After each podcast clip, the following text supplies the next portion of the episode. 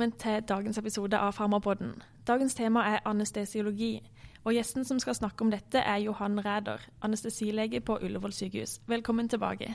Anestesi skal sikre smertefrihet, demping av autonome reaksjoner og gode kirurgiske arbeidsforhold. Det finnes ulike måter å gjøre dette på, enten lokal anestesi, regional anestesi og generell anestesi, eller en kombinasjon av metodene. Dette og mer skal vi gå gjennom i dagens episode. Men først, anestesiologi er jo en av de mest populære spesialitetene. Hvordan er arbeidsdagen som anestesilege, og hvorfor tror du det er en så populær spesialitet?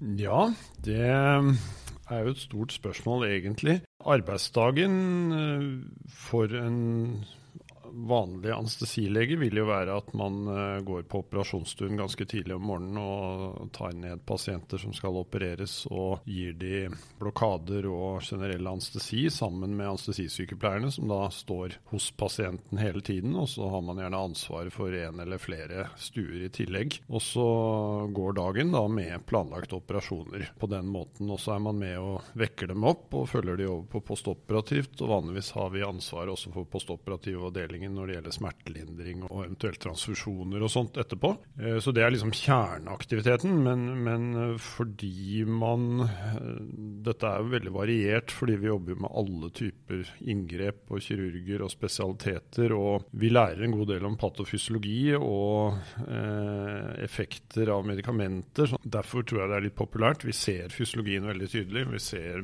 effekten av medikamentene våre. Mm. Og, og, vi har en veldig stor kontaktflate. Vi jobber alltid i team. Vi har de best utdannede sykepleierne rundt oss, anestesisykepleiere, intensivsykepleiere, operasjonssykepleiere, som vi jobber i team med sammen med kirurger og også andre spesialiteter. Akutt hud kan være intensivmedisin, det hvis det er ille nok. Og dette med bredden i faget gjør jo også at man da i Norge er anestesilegen stort sett ansvarlig for intensivavdelingene alle steder. Eh, nå i forbindelse med covid-epidemien er det stort sett bare anestesileger og enkelte indremedisinske norske intensivleger som har jobbet med det. Vi er ansvarlig for kuttmedisinen. Eh, alle legehelikoptre, legeambulanser er det stort sett anestesileger du finner. Og så er det smerte, smerteklinikkvirksomhet. Så det er et veldig bredt fag. Og, og, veldig stor kontaktflate. Og um, vi er med der hvor det skjer noe, hvis man skal si litt. Og vi er litt også sykehusets generalister, for etter hvert som de forskjellige spesialitetene blir smalere og smalere og det blir mer og mer kunnskap, ehm, så er det, er det av og til behov for sånne som oss, som da har mer litt sånn generell patofysiologisk praktisk kunnskap da, når det er noe akutt. Eh, og så er det litt grann eh, håndverk oppi det. Vi gjør litt mer enn å bare skrive resepter. Vi stikker litt her og der, og vi intuberer og vi eh, driver med gjenopplivning og prøver å finne nerver og blodårer og, og, og jobber litt med sånne ting som, som krever litt sånn ferdighet, og, og som også gir deg litt tilfredsstillelse i den forbindelse, da. Mm. Så det var eh, markedsføringen. Ja. det høres ut som en veldig interessant spesialitet. Eh, kan du fortelle litt om de tre forskjellige anestesimetodene? Ja, eh, det, det, går jo egentlig litt på dette med at anestesi er jo da å dempe nosiseptive impulser, som da gir reflektoriske bevegelser og ubehagelig smerteopplevelse. Og Hvis vi da starter ute der hvor liksom impulsen oppstår, det er jo da et, der hvor pasienten har et sår, eller der hvor kirurgen holder på med sin kniv eller sine instrumenter. Så kan man jo tenke seg at man kan bedøve det området fullstendig med lokal anestesi. Mm. Uh, som da er natriumkanalblokkerende lidokain eller bupivacain. Uh, og, og, sånn sett kan kirurgen da gjøre det de skal. Uh, det går veldig bra hvis det ikke er for stort område. Det går jo både på at er det et stort område, så blir det veldig mye stikking for å få bedøvet alt. Og ofte er ikke det mulig å få til heller. Du kan ikke bedøve en hel bukvegg med lokal anestesi. og så er det også toksisitet knyttet til å bruke for mye lokal anestesi. Ja, ikke sant. Så det er med litt mer begrenset inngrep, så er det lokal anestesi. Eh, så kan man eh, jo bruke lokal anestesimidlene der hvor nervene samler seg, f.eks. i armhulen, da hvor det er en fletning som forsyner hele armen med innervasjon. Og setter man da en dose enten i armhulen eller over eller under kravbenet, så kan man da med en enkeltdose bedøve hele armen. Og, og sette på blodtomhet, og kirurgen kan gjøre det de skal fra, fra, fra og med skulder og ned.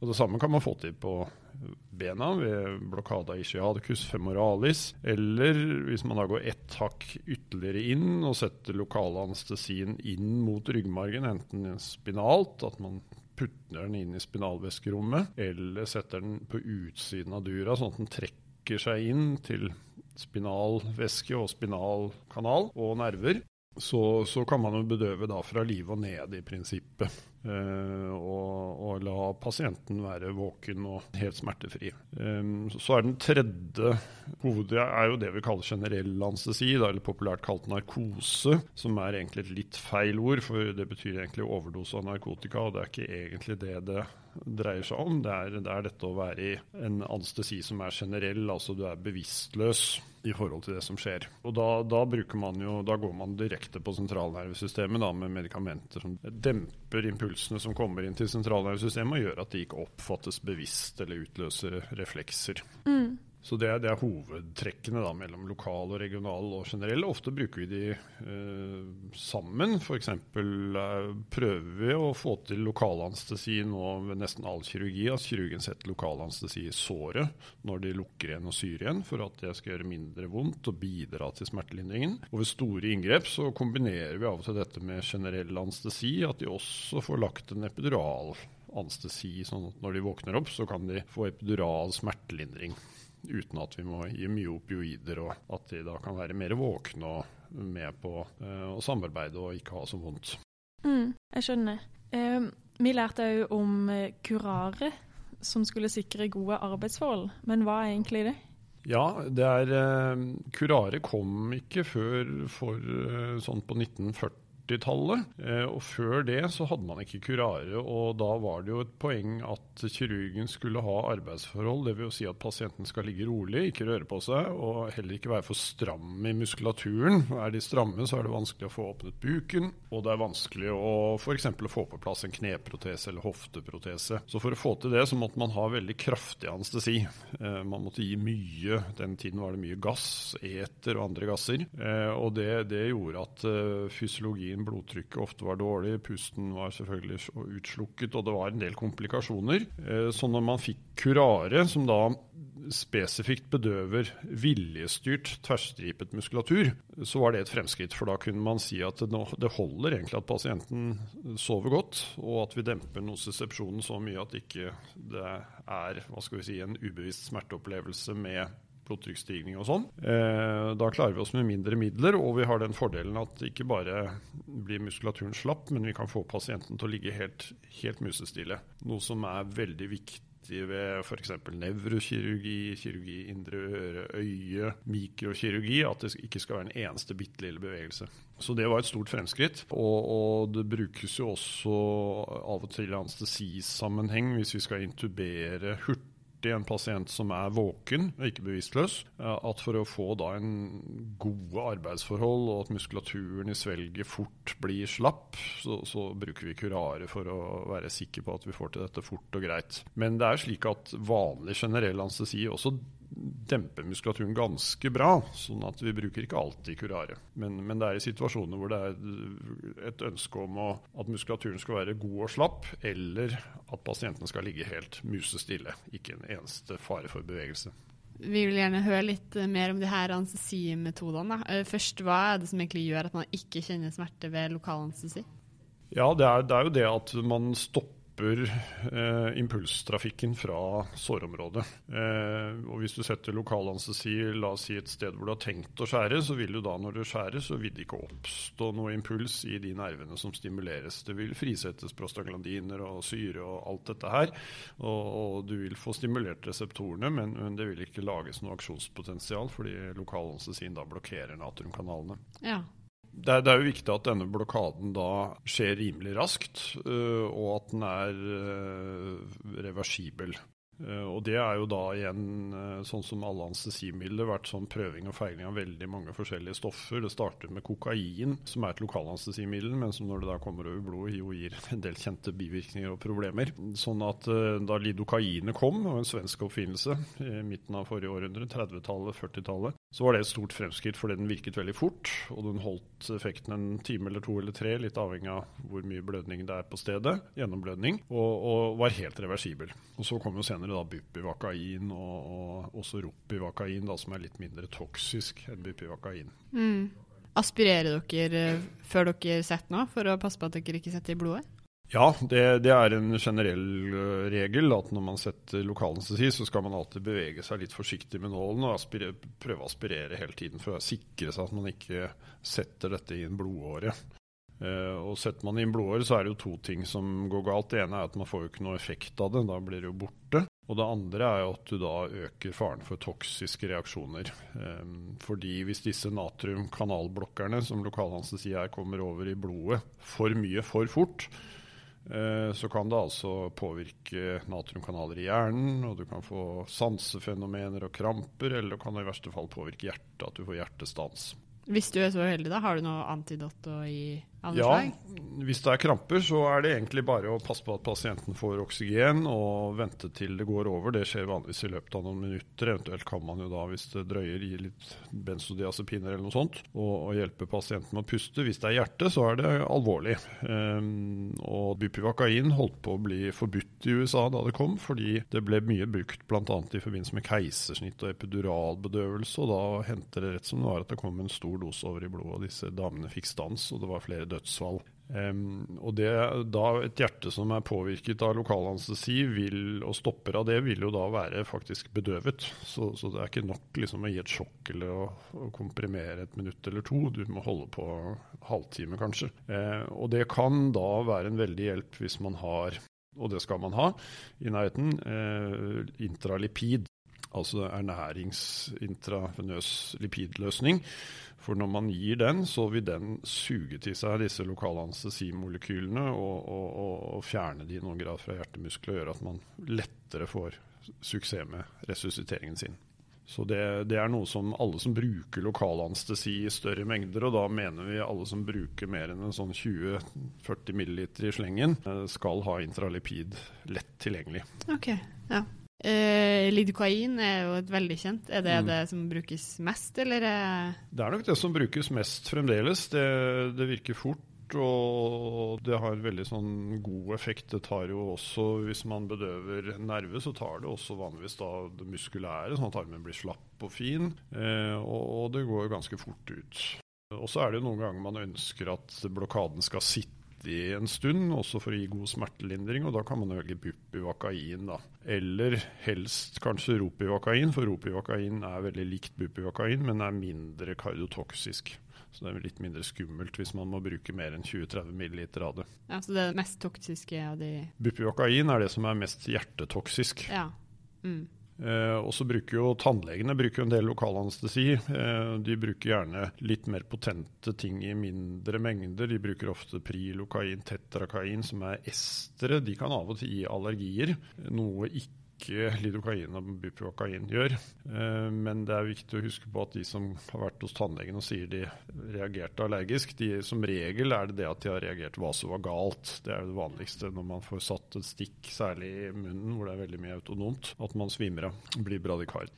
Vi går litt videre til regional anestesi. Hvordan ja. gir dette smertelindring?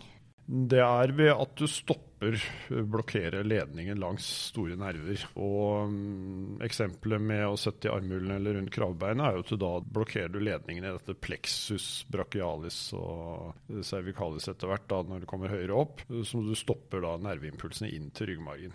Så du, du har da stimuleringen ute og masse impulser som går inn, men det blir stoppet der. Eh, når du setter en spinal eller epidural, så blokkerer du egentlig nerveimpulsen idet de går inn i ryggmargen via røttene, men noen grad også selve ryggmargen, hvis, den, eh, hvis du setter det spinalt. i hvert fall. Mm. Du snakka litt om epidural og spinal anestesi i stad, men kan du si litt mer om forskjellen mellom de? Ja, det er jo spinal er jo den klassiske og enkle metoden, og for så vidt også den mest logiske. At man skal man bedøve nerverøtter og nedre del av ryggmargen, så, så, hvorfor ikke da spinalpunktere, sånn som vi gjør når vi skal ta en spinalprøve, og så putte inn litt lokalanestesi der. Det er veldig effektivt. Det holder faktisk med en 2-3 milliliter lokalanestesi for å bedøve fra livet og ned fullstendig. Ulempen er at det er en ganske sånn Vi kan ikke legge noen kateter inn i, inn i spinalrommet. Det er litt for mye bivirkninger med. Det kan bli infeksjoner og lekkasjer. Og, og det er også litt vanskelig å dosere, sånn at det gjøres egentlig bare ved spesielle smertetilstander. Eh, så derfor så bruker man gjerne epidural hvis man har tenkt på litt mer justert effekt. Og da kan vi legge inn et kateter på utsiden av dura. Det, det går veldig bra. Det kan ligge der i mange dager. Eh, og da kan man eh, titrere seg frem med både dose og blanding og varighet. Og styre det mye bedre. Slik at det brukes jo både da med litt sterke doser i forbindelse med operasjoner. Og så kan man også, eh, fordi man ikke stikker så dypt, så kan man også legge et sånt epiduralkateter oppi mellom skulderbladene. Eh, og, og, bedøve thorax. Hvis du f.eks. har fått masse Kosta-frakturer og det gjør vondt hver gang du puster, så kan du da bli bedøvet via et epiduralkateter mellom skulderbladene. Eh, er du operert i øvre del av buken eller i thorax lungeoperasjoner, så kan det ligge litt lenger nede, kanskje på nivå TH8-10. Og har du operert i buken eller i bena, så legger du det enda litt lavere. sånn at man kan justere hvor man har dette kateteret. Og så kan man justere om man bare vil bruke lokalanestesi, veldig sterk blanding, og som er, blir så kraftig effekt at du blir lammet i området, eller at du kanskje gir en blanding av litt lokalanestesi, sånn at du har muskelkraften bevart, og blander i litt opioid og kanskje litt adrenalin for å påvirke da alfa-2-smertelindrende systemer på ryggmargsnivå. Eh, typisk fødeepidural er jo velkjent. Eh, ved vårt sykehus nå så er det vel nesten halvparten av alle kvinnene som får epidural i forbindelse med fødsel. Og det er jo et ja. eget ønske, det er ikke noe vi driver og pusher. eh, men det er ganske vondt. I hvert fall første gangen er veldig vondt, ser det ut som. Og, og, det er jo da en blanding. Der vil vi jo gjerne at de skal ha kraft, så de kan være med å trykke. Og man kan kanskje også at man kan gå på do, for det kan ta tid. Så vi vil ikke ta musklene for mye, så da blir det ofte ganske liten, tynn blanding av lokal anestesi kombinert med litt opioid og litt grann, eh, eventuelt adrenalin, mm. for å få da en passe smertelindrende effekt. Ja, jeg skjønner. Så spinalanestesi må settes under L2, mens epidural kan settes ja. på en måte i hele Epidural kan vi bruke egentlig hele uh, fra skulderbladene og ned. Det er vanskeligere å komme til opp i brystkassen, så det er, det er teknisk litt mer krevende. For da ligger uh, virvlene veldig sånn takstenaktig. Ja. Mens nede i korsryggen så, så, er det litt mer rett inn, i hvert fall hvis du er frisk. Um, men, uh, men, spinalt er riktig fordi man, når man skal så dypt med nål og, og kommer inn spinalt, hvis det da ligger bakhornet rett inn, så, så, kan det gi skade. Så det gjør man ikke. Da holder mm. man seg under der hvor ryggmargen slutter. Ja.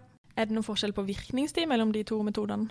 Uh, ja, altså det, det, er det fordi spinal vil jo være en såkalt endosebehandling. Altså du må på en måte bestemme deg for hvor mye du tror denne pasienten trenger for dette inngrepet. Uh, og, og, når du da har satt når pasienten ligger på rygg, så kan man ikke liksom justere det. Uh, så en spinal med lidokain vil vanligvis vare en time eller to, mens hvis du bruker bupivacain, så kan den vare en tre-fire timer, kanskje i beste fall.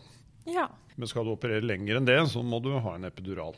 Eventuelt kan du kombinere det noen ganger. Gjøres det at man setter en spinal for å komme godt i gang og få veldig god, rask effekt. Og så har man et epiduralkateter som man fyller på etter hvert. Ja, jeg skjønner. Er det noe man skal være ekstra oppmerksom på når man gir en slik regional anestesi? Ja, det gjelder all regional anestesi at man er jo redd for å stikke noen nål som skader nervevev. Og når man driver med infiltrasjon i huden uh, ute i periferien, er ikke det noe problem, fordi fibrene er så små at de skvetter til side, og det blir ikke noe stor skade om man kommer borti en fiber. Men uh, når man med en gang man nærmer seg litt større nerver, uh, så kan de sprenges i stykker. Og, og, når man kommer på ryggmargsnivå med spinal eller epidural, hvis man da stikker og treffer en ryggmargsnerve nerve eller med en epidural kan man jo også komme dypt og, og, og, lage hull på dura og skade eh, medulla. Så, så, det er jo det ene man er redd for, at man får en skade av nerve eller nervevev av nålen. Eh, man kan også få dessverre skade av, av, bare det at man injiserer veldig mye veldig fort, og at det blir for mye trykk og iskjemi i nerven. Det kan også være en mekanisme. Eh, så er vi jo ved eh, disse spinal og epidural, så er man jo mest redd for at det skal bli et hematom i området. For dette er jo et trangt område. Og blir et hematom som trykker på spinalnerve eller ryggmarg, så kan man jo få pareser eller i verste fall varige skader fra livet og ned. Dessverre er det noen av de eh, hvert år i Norge. Og det er et veldig viktig poeng at hvis et sånt hematom blir oppdaget tidsnok, og dvs. Si innen 10-12 timer, og da fjernet, så går det helt fint. Men hvis det blir liggende for lenge, så kan man altså få en livsfarlig skade av eh, tverrsnittslesjon-type, nesten.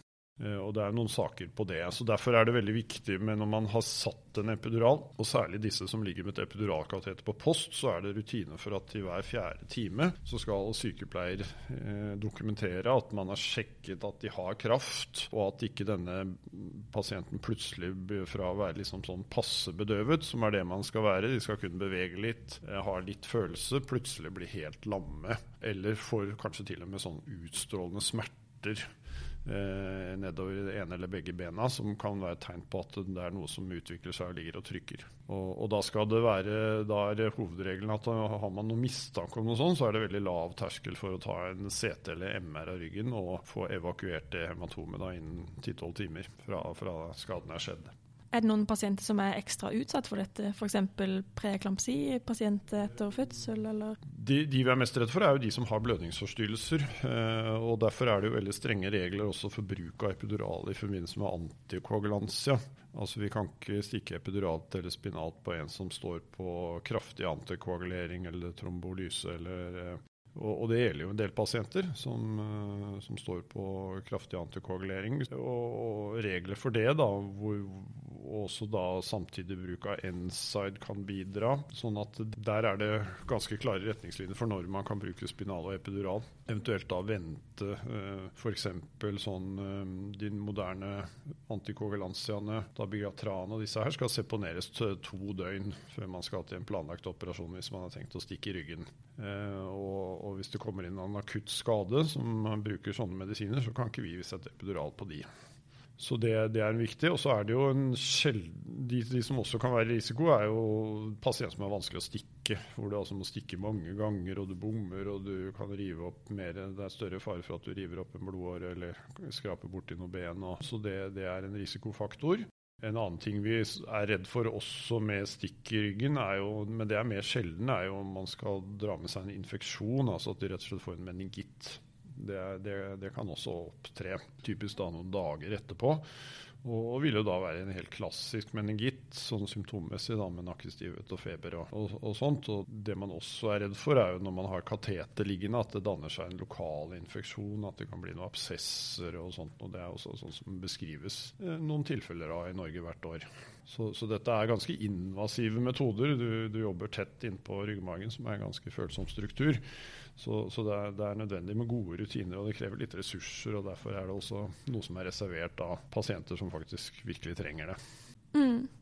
Eh, sånn postdura-punksjon hodepine er vel kanskje òg en kjent ja. bivirkning? Ja, og det, det, skjer når man lager et hull på dura. Så er det noen, og det er særlig hos yngre, eh, eldre får ikke dette i samme grad, at de kan få en hodepinetilstand eh, som debuterer når de prøver å sitte opp eller stå opp etterpå. Den kan vare noen dager. Den lukker seg vanligvis spontant og gir seg, men kan være ganske heftig og intens. Um, typisk er at den da gir seg hvis de ligger flatt ned. Den, men når de reiser seg opp, så kjenner de liksom en sånn hodepine fra bakhodet som stråler frem i pannen. Og da kan man velge å se det an, fordi det er en godartet tilstand som vanligvis gir seg i løpet av noen dager. Eller man kan tilby pasienten å prøve å rett og slett tette dette hullet. Uh, og Det er litt sånn, det høres ut som sånn uh, hjemmesnekring, men uh, det er at du rett og slett tar prøve av pasientens eget blod og, og, setter epiduralt, sånn at det blir et koagel som legger seg over det hullet og tetter igjen. Ja, nettopp. Og, og, da kan hodepinen bli, bli, borte med en gang. Så det er ganske effektivt, men det er igjen liksom et litt sånn ekstra inngrep. Så det er, all, det er ofte en diskusjon med pasienten om man eh, velger å gjøre dette. Eh, så skal man være litt obs Det har vært tilfeller hvor kraftig hodepine, hvor dette med at det blir en lekkasje, kan bli såpass kraftig at det kan utløse en eh, hjerneblødning. Eh, og at man må være litt obs hvis hodepinen er veldig sterk, så, så skal man også vurdere å ta en rett og slett CT-kap ut. En gruppe som er utsatt for dette, er faktisk de som får fødeepiduraler. Fordi eh, som sagt, vi setter vel et par tusen epiduraler på fødende bare på vårt sykehus hvert år. Og det er klart dette er ofte sånn midt på natta. Pasienten er stor og tykk og sliten og urolig, og det er mørkt, og anestesilegen har vært på jobb en stund. Og at av og til disse nålene da kommer for dypt og lager en rift i dura.